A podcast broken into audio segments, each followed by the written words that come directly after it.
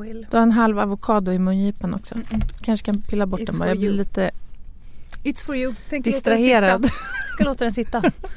Så att du får något annat att tänka på. Så, nu kör vi. Sluta vi. smsa. Vadå? Jag måste. Du skäller alltid på mig. Ja, Vad är det som är viktigt nu? Jag håller på och reparerar en sak här. Har du gjort bort dig? Ja, mm, lite grann faktiskt. Du vet att jag gillar ju giffar va? Jag tycker det är ett utomordentligt... Giffar eller gifflar? Ja, både och Ja. förvisso. Men giffar, du vet såna här sköna bilder man Mm. kan lägga in och Roliga små förstärka. klipp. Ja, Mm. du vet ju att jag är närmast pervers med att Mm, använda vet. såna. Ja, Mm. men, det är roligt. Mm. Det är i alla fall väldigt roligt när man skickar dem till rätt person. Det är mindre roligt när man skickar, du vet igår när vi satt och smsade fram och tillbaka så skickade jag en snygg brudbild till dig. Hon var en snygg tjej som var helt nervös som stod och flämtade och flåsade, kommer du ihåg? Mm. Vilket Mm. är signifikant för dig. Ja, en snygg tjej som är precis. nervös. Det var det närmsta en Mm. betraktelse av mig själv Mm. jag kunde hitta.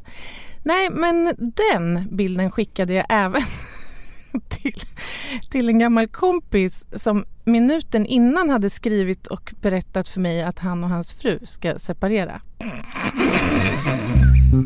Men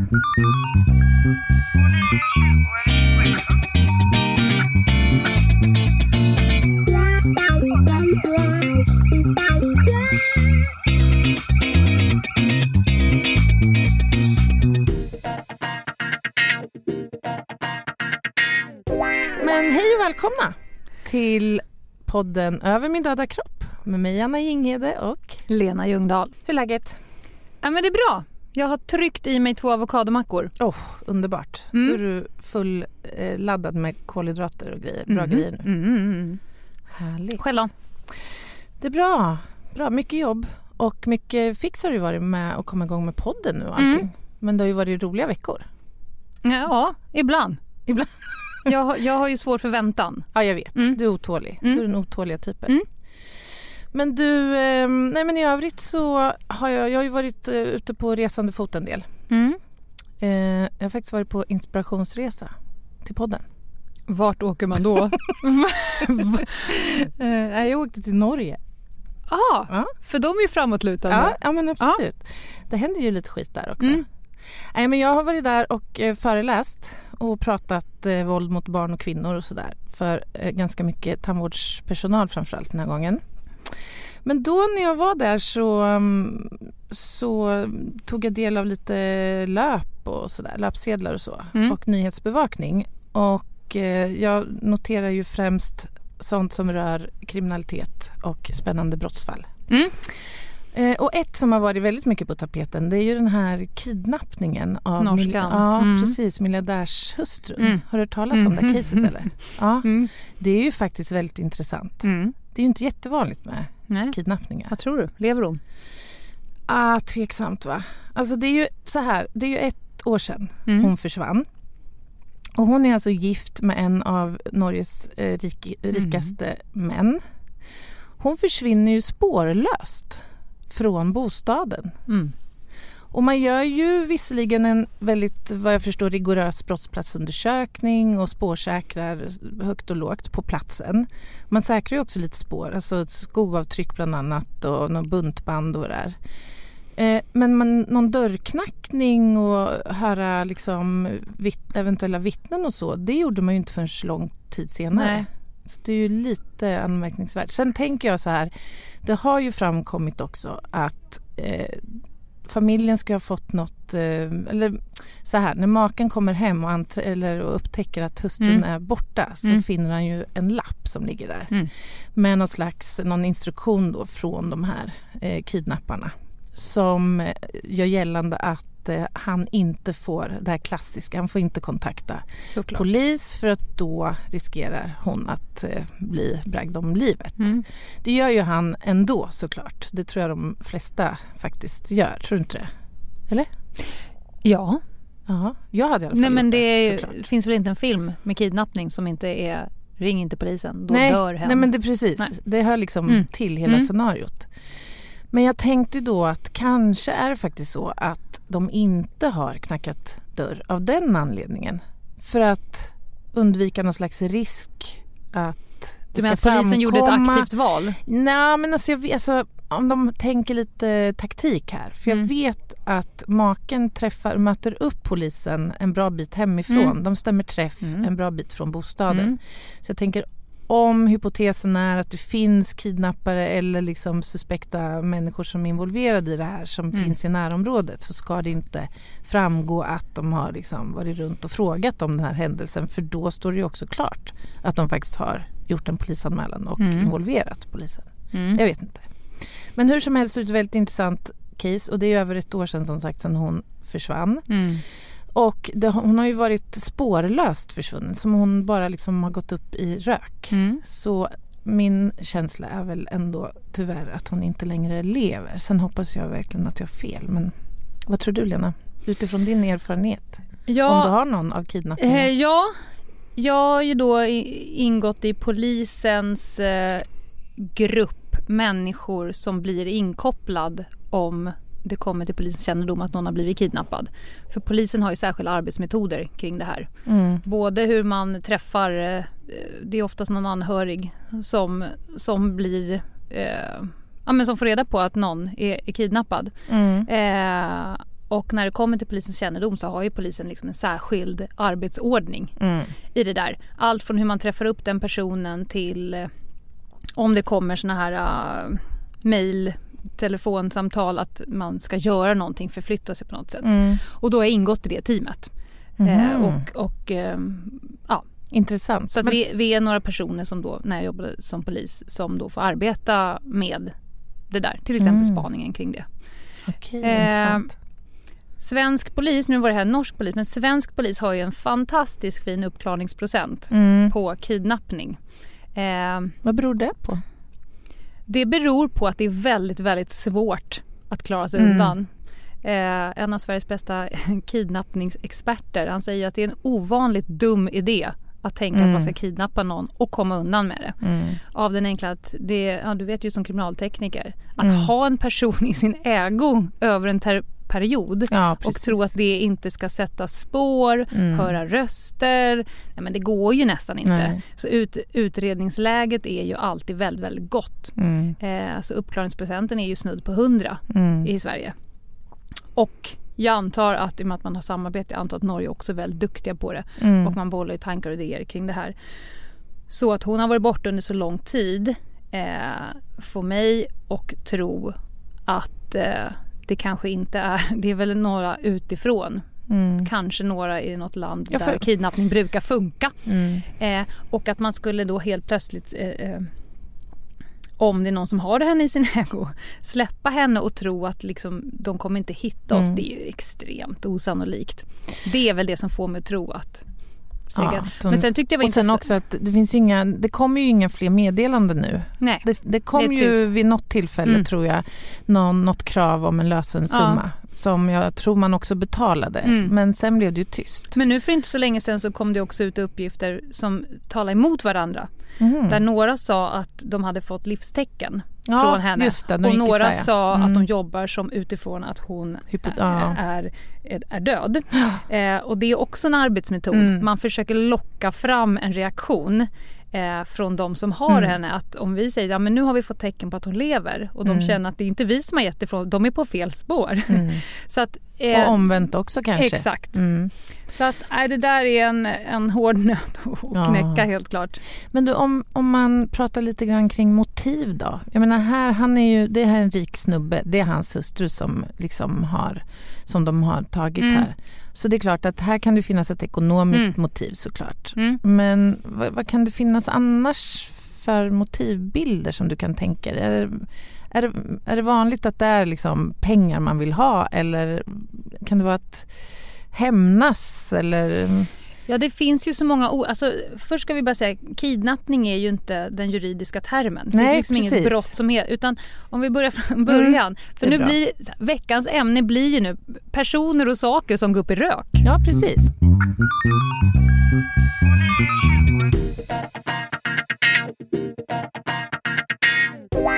Om vi ska börja från början så enligt regeringsformen så är ju var och en skyddad mot mm. saker som, som begränsar din frihet och, och rörelsefrihet. Mm. Och om någon eh, ingriper på den eller an, angriper och, och gör så att du inte kan röra dig så som du vill Mm. så är ju det ett olaga frihetsberövande. Just det. Eh, och det kan vara väldigt diffust. På alla sätt jag gör så att du inte kan röra dig fritt. Mm. Jag vet till och med finns ett rättsfall att om jag snor kläderna för en nakenbadare så att den inte, ja, men det är sant, så att den inte vågar gå upp i vattnet. Då har du inskränkt min rätt till fri rörelse. Det är faktiskt sant. Det Ja. blir olaga frihetsberövande då. Så jag, man, man jag, tar någons småbyxor som ligger där uppe. Ex- exakt! Jag känner mig Ja, inte fri att brott då. röra mig. Ja, då Ja. har du begått ett Jag har brott. begränsat hans eller hennes begränsat- rörelsefrihet. ja, exakt. Mm. Okej, och om man då har liksom ett, ett syfte att skada någon, låsa in någon, eh, pressa någon på pengar, då kan det bli ett brott grövre så att säga och då är vi inne på människorov. Mm. Så definitionen är ju egentligen människorov. Mm. Eh, att eh, om olaga frihetsberövande är att bara inskränka rörelsefriheten så är människorov att du har syfte med någonting, Mm. skada den och så vidare. Och det är det man då brukar kalla lite slarvigt för kidnappning. Mm. Eh, och är det, det är extremt ovanligt Mm. i Sverige idag. Ja. Så det är väldigt många. Jag har ju jobbat sista året med, med personer som möjligtvis skulle då vara i kategorin ha lite förhöjd hotbild Mm. för, eller högre risk än andra att bli kidnappade av Ja, den enkla att de är kapitalstarka. Mm. Men det är fortfarande alltså, försumbar Mm. risk Mm. eh, att bli kidnappad. Så de brukar ju säga så här, ah, men jag vill ha ett, bygga sån här safe room. Mm. Du vet som de kan fly in i. Men väldigt, väldigt, väldigt Ja, ska risk. man ha ett safe room eller? Det finns de som kanske har fog för att ha det men de är extremt få. Mm. Eh, de kidnappningarna som man kan möjligtvis se ske det är ju inte de här klassiska knöla ner en låda. Vi har ju några kända case Mm. i Sverige vi. som Mm. svensk polis har klarat upp helt Mm. enkelt. Vi har i och Eh, för sig några försvinnanden också som Mm. väl i och för Vi sig... inte vet Nej, helt enkelt precis. än idag. Mm.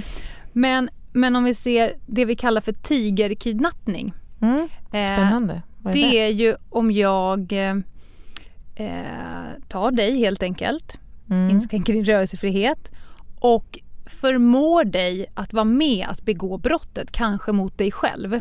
Till Mhm. exempel om jag kommer hem till dig, du är, säg klockmakare eller guldsmed. Mm. Jag kommer hem till dig och berövar dig din frihet Mm. mot att du ska med mig nu och öppna upp guldbutiken. Mm. Ja, jag fattar. Du är liksom med och begår, ja, men du är Mm. liksom med och begår brottet Mm. mot dig själv Ja, eller din det. arbetsgivare. Mm.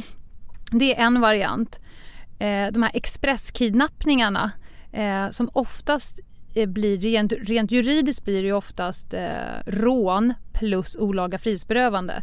Så jag eh, säger att det är fyra Mhm. killar stoppar någon på trottoaren Mm. eh, ställer sig egentligen bara en ring runt. Mm. Det vill säga din, din frihet är nu berövad. Du, Mm. kan inte, du vågar inte gå därifrån. Mm. De plockar av dem prylar och sen så avslutas det med ditt bankomatkort. Nu ska ni nu ska Mm. du följa med oss till Just bankomaten. Så, och så tömmer vi. ett instrument i liksom Under en själva... kort period har du Mm. varit berövad friheten. Just det. Och det här är intressant med statistik för om man ser i andra länder där man ser skyhöga siffror på kidnappning. Mm. Men då ser man att de allra, allra flesta av dem är sådana här expresskidnappningar. Mm. Där man tog dig en kort stund och Ja. förmådde dig att göra någonting eller att man plockar saker ifrån dig och sen släpper dig. Men de kommer liksom med i statistiken över kidnappningar och då tror man att oj oj oj. Mm. Här är många människor som försvinner Ja, och sitter i lådor runt om i olika förråd. Mm. Vilket inte sker. Nej.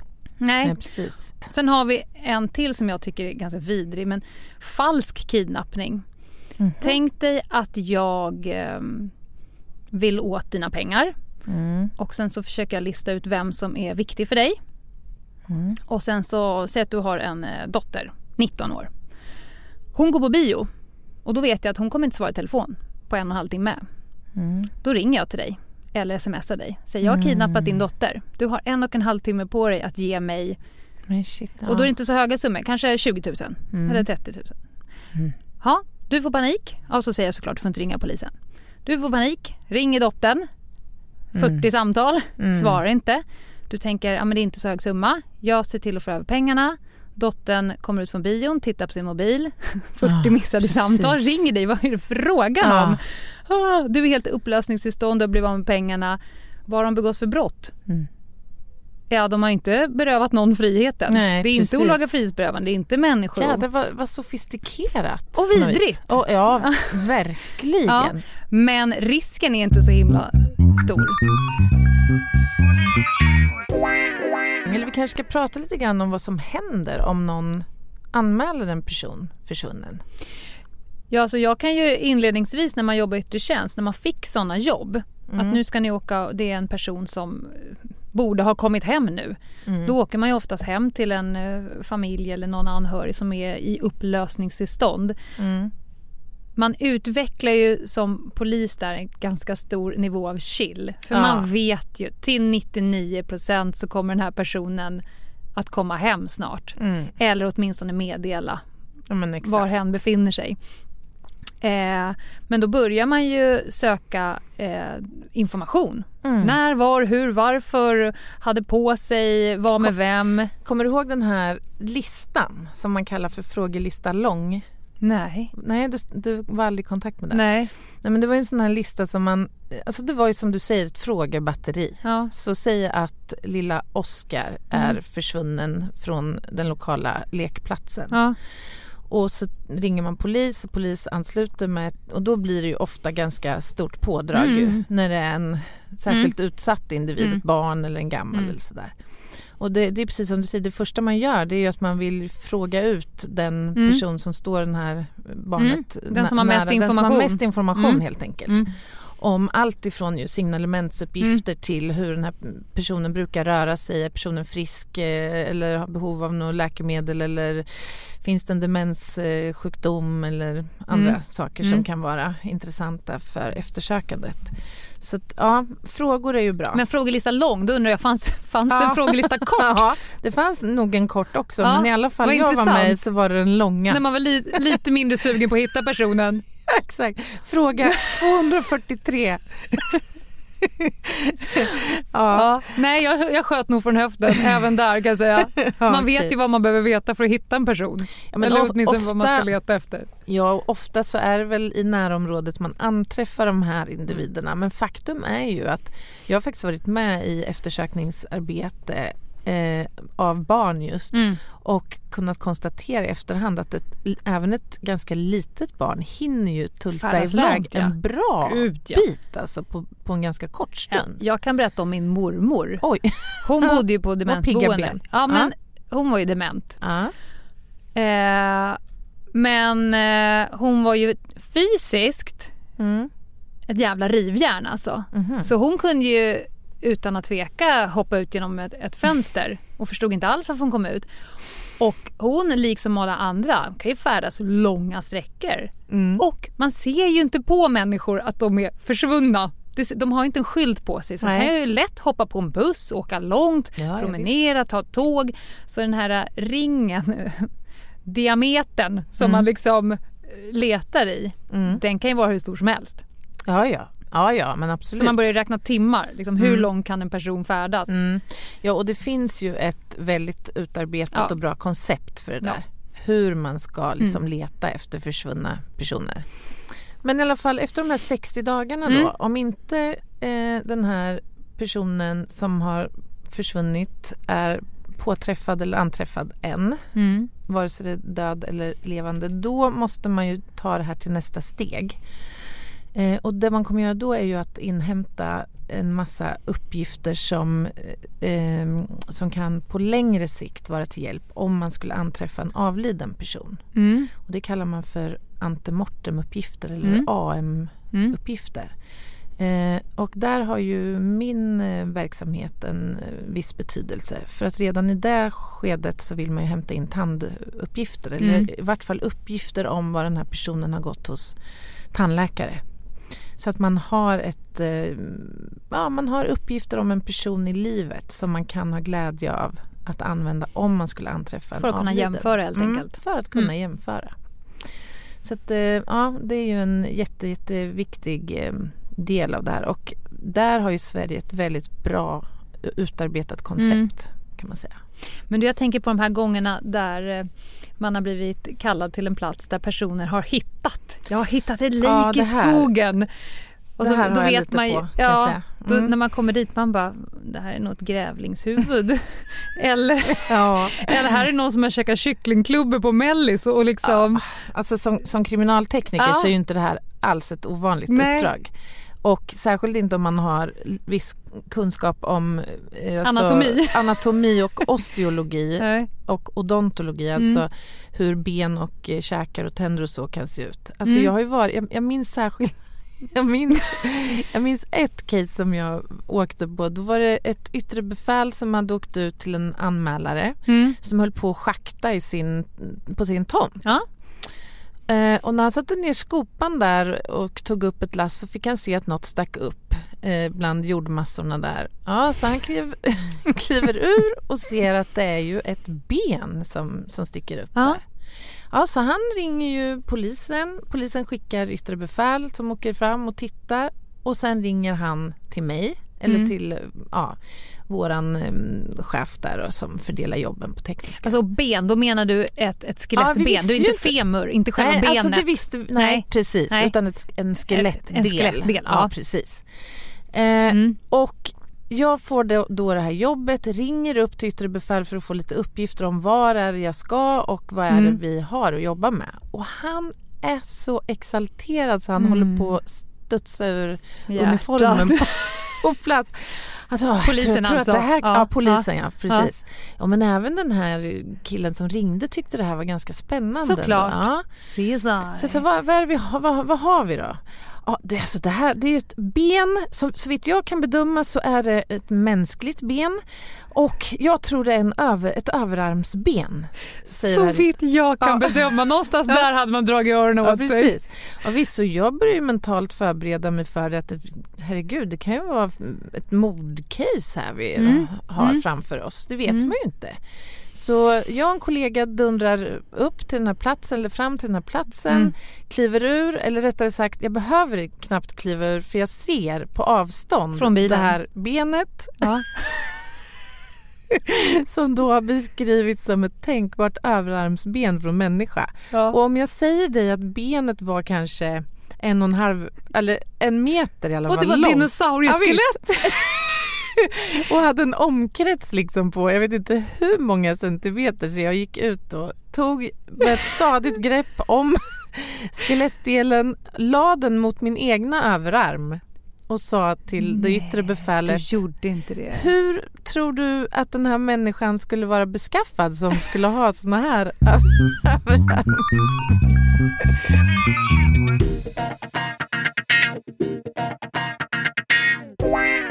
Ibland så får man ju jobb, eller fick jobb då när man jobbar i yttre tjänst som polis med olika saker. Eh, ormar till exempel.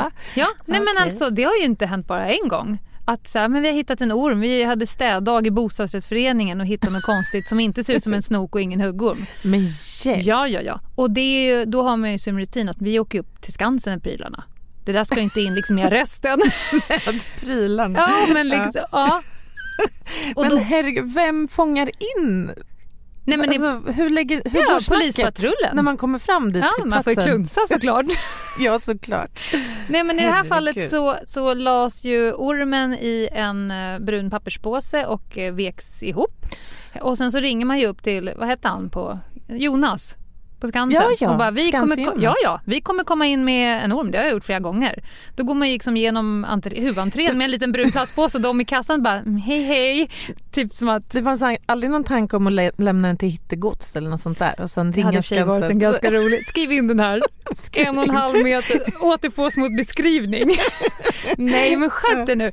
Nej, då går man in genom huvudentrén och så har man ju, när de ser en, en polis i uniform med en brun papperspåse då vet de att nu är det ju random sak, djur som ska upp. Men i det här fallet så åktes det i alla fall till, till Skansen, bagageluckan upp, påsen, bara, det är väldigt lätt. Nej, men sluta. Ingen orm. Jag orkar inte. Ormen borta. Letade igenom hela bilen. Bilen lämnas in på typ så här äh, rekond. Bara, ni måste, det är en orm här inne. Den kan ju inte liksom f- i färd fara iväg. Nej, ingen orm. Nej men det är bara så här, nej men den är ju inte här. Den måste vi, det måste ju ha tappats på vägen in. Nej men den kan ju inte ha kommit in i bilen. Nej. Typ två månader senare vid, i samband med en kommendering. Ja. Typ eh, fotboll, hockey, någonting sånt Mm. som ska ske uppe på, på hovet eller Mm, mm. vad det nu är. Då ska en eh, polis ta ut sin, eh, man har ju här svarta insatsväskor där man Mm. har benskydd, eh, Ja, tandskydd, hjälm. Ja. Suspensoar. Ja, ska dra upp dragkedjan. Nej. Vad ligger och sover ihopringlad i den vita hjälmen? Nej. Ormen. Och då bara, bara vänta här nu, hur länge har den legat här? Men, vad säger du? Ha, jättehungrig orm, Ja. odefinierad. Nej men tjej. det var ju bara att typ spärra av. Och bara, Ja. nu åker vi inte med den här ormen utan Ja, nu får så- Jonas komma hit. Taktikväskan, eller alltså väskan var, Har ju varit i i bilen. lastutrymmet I i lastutrymmet bilen. och sen har den ju Såklart. burits in på polisstationen och legat där i två månader typ. Han kanske har varit ute på nätterna när ingen, eller så här, när ingen har varit där var det och hamstrat. Slingrar runt på polisstationen. Nej då hade man ju skitit på Ja, sig om man sitter alltså, avrapporterat i natt och så kommer en orm Ja, farande. nej usch det där är min värsta. Ja, ormen bara. som försvann. Ah. Men du, Mm. apropå det så är det ju trots allt ett antal som eh, anträffas avlidna. Mm. Eh, och eh, de behöver ju då såklart eh, identifieras. Du menar som har varit anmälda försvunna och sen eh, Ja, anträffats? Mm. precis. Det vet man ju inte då. Alltså Nej. när man anträffar en, en död kropp Mm. eller ett skeletterat material så blir ju den första frågeställningen så här, okej, i det här om... Skeletterat material. Hur många gånger har du sagt det i ditt liv? Ett skeletterat material. Vad skulle du säga då?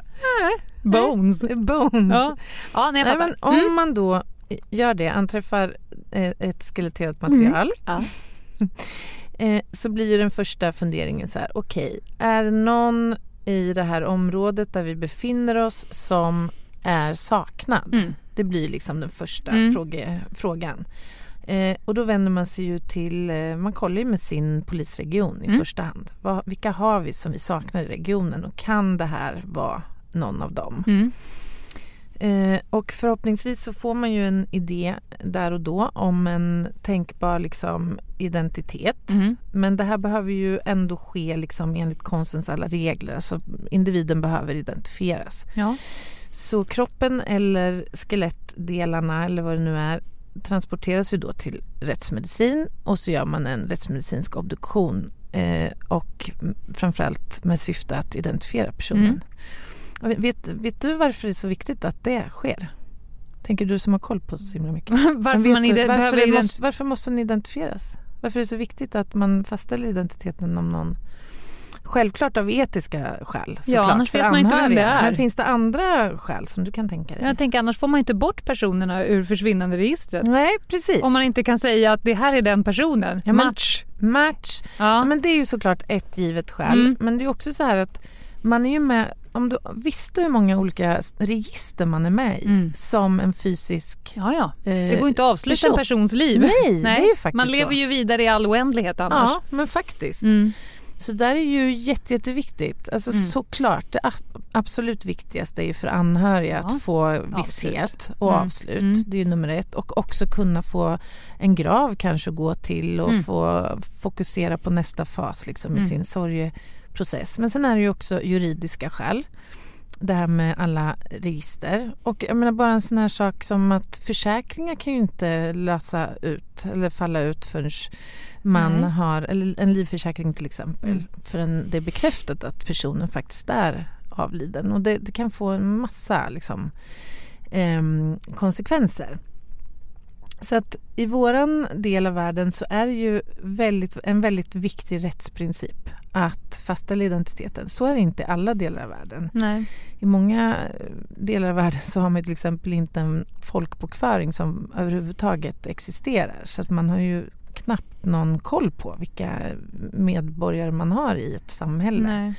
Och det där är en sak som vi ska vara väldigt tacksamma och glada för. Mm. Och jag vet Jag tänkte berätta en liten anekdot som, som jag kom på här och nu. Men rörande just det här hur viktigt vi tycker i stora delar av världen att det här är. Eh, jag ingår ju i ehm, sam en samarbetsgrupp kan man säga knuten till Interpol. Mm. Så en gång om året så är vi på konferens och får lyssna till andra kollegors presentationer om eh, ja, men så här, eh, insatser där man har jobbat med eh, människor som, som har anträffats utan känd identitet och hur man har lagt upp olika typer av operativa insatser när man ska bärga ett stort antal kroppar till exempel vid en katastrof och så. Och när jag var där för ett par år sedan så, så fick jag beskrivet för mig hur det gick till när ett eh, flygplan som skulle fly, gå från Rio i Brasilien till Paris mm försvann på radarn. Det här var 2009. Ett eh, Air France 447 tror jag det hette med över 200 passagerare ombord. Mm. Eh, och plötsligt försvann det här stora passagerarflygplanet från radarn och man trodde att det hade försvunnit, eller det försvann någonstans över Atlanten. Man visste ju inte var flygplanet fanns någonstans. Eh, och veckorna gick och eh, månaderna gick och man hade inte lyckats lokalisera flygplanet. Och då man kommer ju liksom förr eller senare till punkten så här, hur ska vi gå vidare? Liksom, hur mycket stora ansträngningar ska vi göra för att försöka hitta flygplanet, nummer ett. Och nummer två, eh, kunna bärga och eh, försöka få upp eh, eller ta tillvara de här människorna som har avlidit i syfte att identifiera dem och återbörda dem till sina liksom, familjer och sådär. Jag kommer du ihåg Estonia? Den, mm. Estonia låg på 50-60 mm. meters djup eller någonting och man valde där till slut att inte mm. fullfölja ju. Så det är ju en, en eh, punkt på agendan som förr eller senare kommer upp. Men här så tyckte man att nej, i Europa och i Frankrike som det var frågan om här så är det här en så viktig rättsprincip att de döda ska återfå sin identitet och återföras till sina familjer. Så vi ska göra allt vi kan för att försöka lokalisera flygmaskinen, flygplanet och även passagerarna ombord. Mm. Så man la ner ett gediget arbete på att eh, försöka med sån här sonarinstrument och allt möjligt skanna av stora ytor av Atlanten helt enkelt för att försöka hitta flyg, eh, flygplanskroppen. Då. Och då hade man ju fått signaler från, eh, från svarta lådan eller vad det nu är som sänder ut signaler. Mm. Så man hade väl ett, man hade ett område om fem gånger fem kilometer eller något sånt där som man var ganska säker på att eh, flygmaskinen låg i. Och till slut så hittade man i alla fall en del av en vinge och sen hittade man större delar av flygplanet och till slut kunde man lokalisera var det låg. Eh, men då visade det sig att flygplanet låg på fyra kilometers djup. Mm. 4 000 meter ner under havsytan. Och ja, att jobba på de djupen är ju inget man bara mm. liksom så här, man slänger inte ner några dykare som Nej, varsågoda. jag som före detta dykare ja. tycker det var lite jobbigt. Ja. Men man gav sig inte utan man inledde en ny fas i det här och tog kontakt med företag som jobbar med pipelines mm. som är vana att jobba på mm. stora djup. Eh, och de konstruerade alltså en robot som kunde, alltså man satt på ett stort fartyg ut, eh, eh, uppe på vid havsytan, styrde en robot 4000 meter ner med en liten joystick och lyckades med hjälp av den här roboten knäppa upp eh, säkerhetsbälten på en stor mängd av mm. de här passagerarna och få upp dem till ytan och återställa deras så att säga, identitet och ge dem ett värdigt avslut. Och det var över 100 i alla fall, jag tror 110 eller 115 eh, passagerare man lyckades med det här. Och jag tycker det, jag tycker det är ett jätte, helt fantastiskt exempel på liksom, när det blir fina ändå och så värdiga man kan avslut för de här människorna. Det måste kännas oerhört viktigt mm. ju för alla de här familjerna. För, för varje försvinnande tänker jag är ju liksom eh, omgärdat av, alltså det är ju ett öde på något sätt och en, varje sån här individ representerar ju en, en historia. Mm. Ju. Och det är väldigt viktigt att ha respekt för det såklart. I alla fall om man jobbar med ja, försvinnanden och så.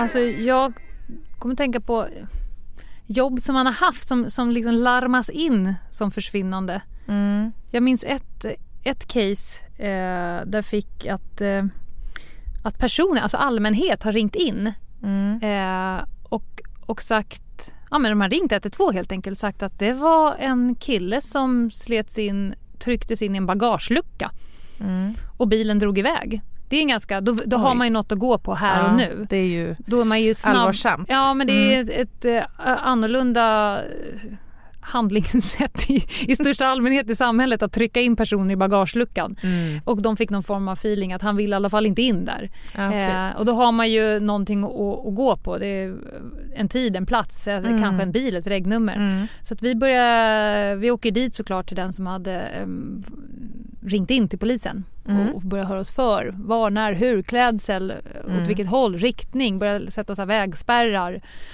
och så vidare.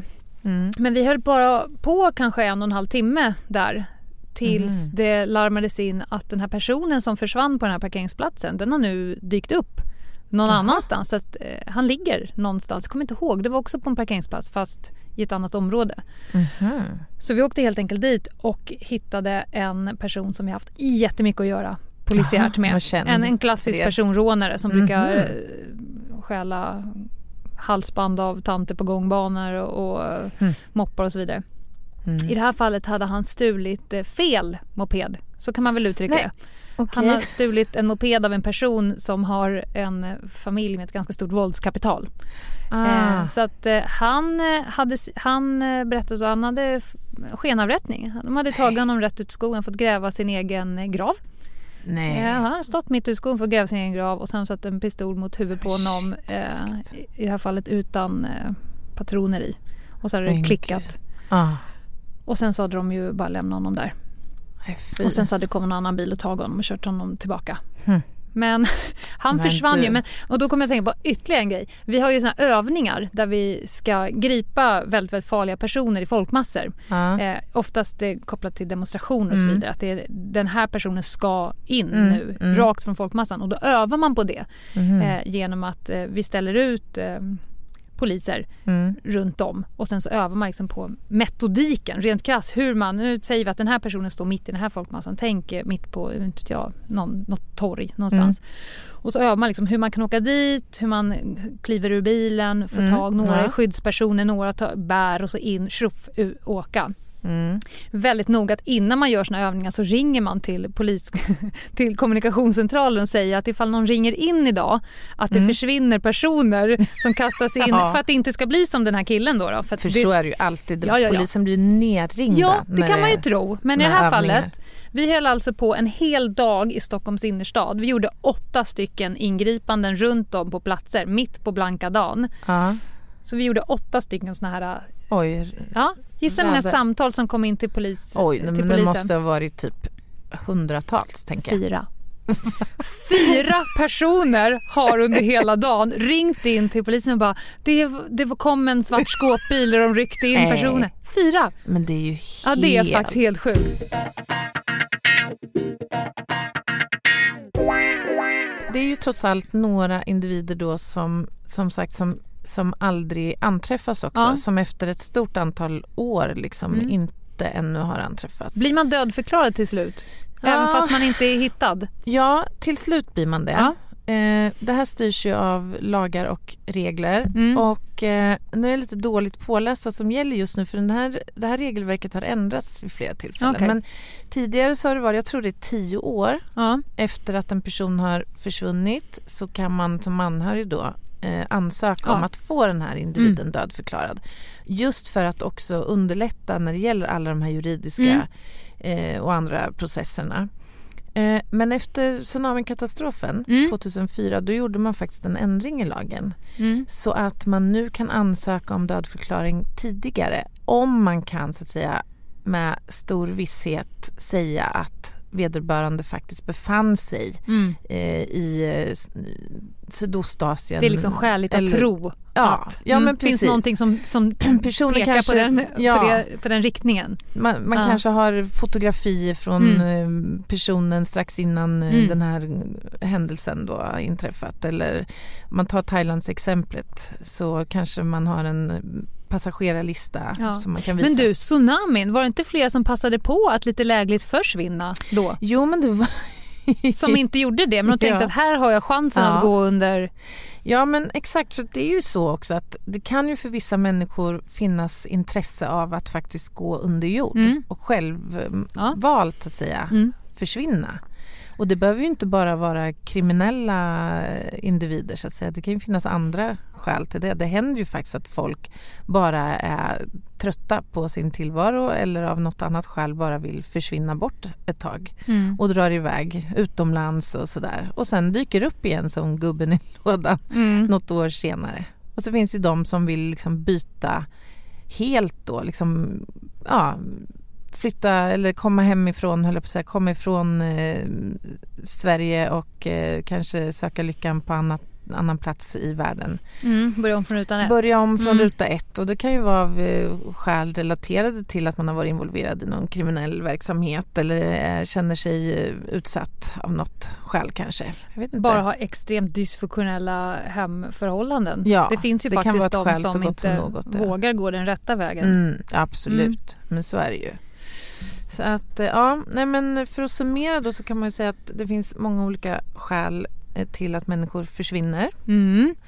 Eh, och De allra flesta kommer tillbaka. tillbaka. Det är väldigt låg eh, sannolikhet att man skulle bli kidnappad. Ja, Mm. det känns Och tryggt. om man blir det så är det väldigt stor sannolikhet att polisen kommer klara upp det. Mm, Mm. precis. Eh, om man inte är anträffad inom eh, 60 dagar så kommer ärendet hanteras centralt eller nationellt. Mm. och man kommer att ingå som en individ i det så kallade försvinnanderegistret. Och i det registret kan jag nämna också så finns det idag ungefär 800 individer. Från, jag tror det som lades in tidigast är från 50-talet någon gång Mhm. och fram till idag.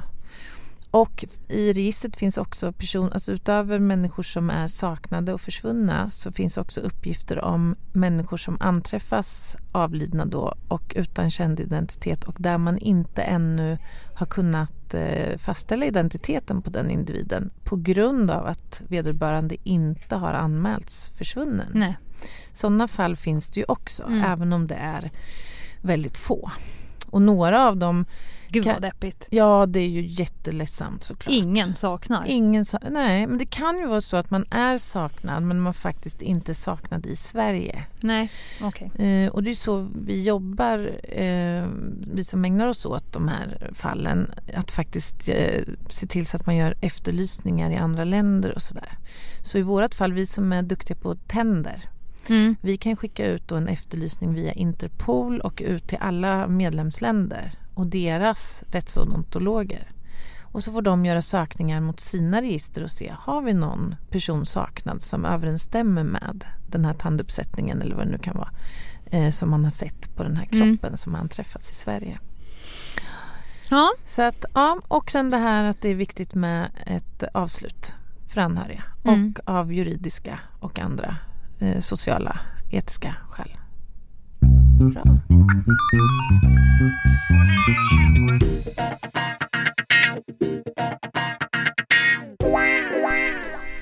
Och gud Lena, det blev nästan lite deppigt där. Lite snudd på P1 Dokumentär eller något. ja men inte- det är ganska deppigt med, med människor som försvinner oavsett om det är brott eller frivilligt. Jo, men det är ju det. Men kan, inte, kan du inte försöka runda av det här avsnittet med... Ja, men har jag- du ingen... Du brukar ju ha så mycket roliga Men det är inte bara anekdoter. människor som, för, som försvinner. Nej. Alltså på, på våra arbetspass, vi har ju varit med om allt. Mm. Jag har varit på hoppningar, det är också deppigt, framför tunnelbanan, men där man liksom har sett sig själv utifrån och bara, jag går på riktigt och letar efter en försvunnen kroppsdel. Ja, det saknas en arm. Du kanske ska förklara det ja, för men våra människor som hoppar framför tunnelbanan. Ja, på om. spåret Ja. helt enkelt. Mm. Och man kommer dit och man bara, okej nu har jag fått ihop allting men nu ska vi se hur en människa är uppbyggd. Ja, det saknas en arm. Ja. Det har ju faktiskt anträffat sen när tågen eh, ska städas att armen sitter liksom fast Ja, uppe. under. Ja men vid vindrutetorkan liksom, Ja, men- upptryckt. Ja där var den sista delen. Jag har ju kriminella som har försvunnit. Man har gripit dem, man ska precis stoppa in dem i bilen och de börjar eh, springa. Så att man helt enkelt, den gamla klassiska fångstbillan. Fångar som Ja. försvinner. Nej men alltså eh, rymmare helt enkelt. Ja. Rym, du, Ja, bra uppslag för Min kollegas bil försvann. Vi, ja, men vi var ute och åkte bil. Eh, alltså åkte polisbil. Ja. Och sen så åker vi förbi så säger han, där var min bil. Jag bara, va? Vadå, alltså, Ja, han ser en- sin egen bil på rull. Jag bara, men står inte den på polisparkeringen? Det trodde jag med. Ja, Du får gärna nej. åka efter. Så då när vi stannade bilen sa jag till min kollega, du lämnar inte bilen. Du Nej, får sitta du kvar. sitter kvar. Du sitter kvar. Jag går ut och gick till den här killen bara, tjena, eh, eh, körkort tack, så här, vems bil är det? Ah, lånar den av en kompis. Ja. Okej, vad heter den kompisen? Ah, Jag ser att du har en skruvmejsel Ja, sitter i exakt. tändningslåset här också. Ja, jag bara, och så, så pekade jag bak. Då stod min kollega och bara, det bara fnös ur näsborrarna. Du, eh, jag vet inte hur jag ska lägga fram det här till dig men det är hans bil som du kör. Det var så här, ridå. Ja, Fantastiskt. mycket olika saker som försvinner. Ja, ja Det var det. vara. Men Mm. du, eh, vi får väl knyta ihop säcken här Ja. då. Och eh, vi ska väl informera också om, tycker jag, att vi har ett Instagramkonto Ja, som eh, vi blir väldigt glada om man kikar in på titt Mm. som tätt och följer oss såklart. Mm. Ljungdahl och Ginghede heter Yes. kontot. Det kommer även upp om man söker på Över min döda kropp. och lyssna frågor. Ja, för tusan. In där och ställ frågor till oss. Ställ frågor och mejla oss om ni vill. Mm. Ljungdahl och Ginghede at gmail.com. Ljungdahl och Ginghede at gmail.com. Gött. Gött mos! Vi ses Vi nästa ses om vecka, vecka. om vi inte har försvunnit. Ja. Hej. Hej.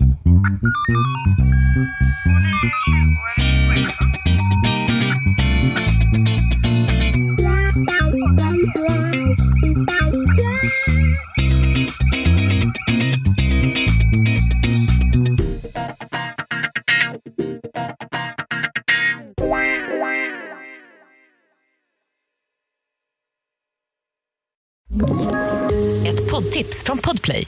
I podden Något Kaiko garanterar östgötarna Brutti och jag, Davva, dig en stor dos skratt. Där följer jag pladask för köttätandet igen. Man är lite som en jävla vampyr. Man har fått lite blodsmak och då måste man ha mer. Udda spaningar, fängslande anekdoter och en och annan arg rant. Jag måste ha mitt kaffe på morgonen för annars är jag ingen trevlig människa. Då är du ingen trevlig människa, punkt. Något Kaiko, hör du på Podplay. Därför är gardinerna.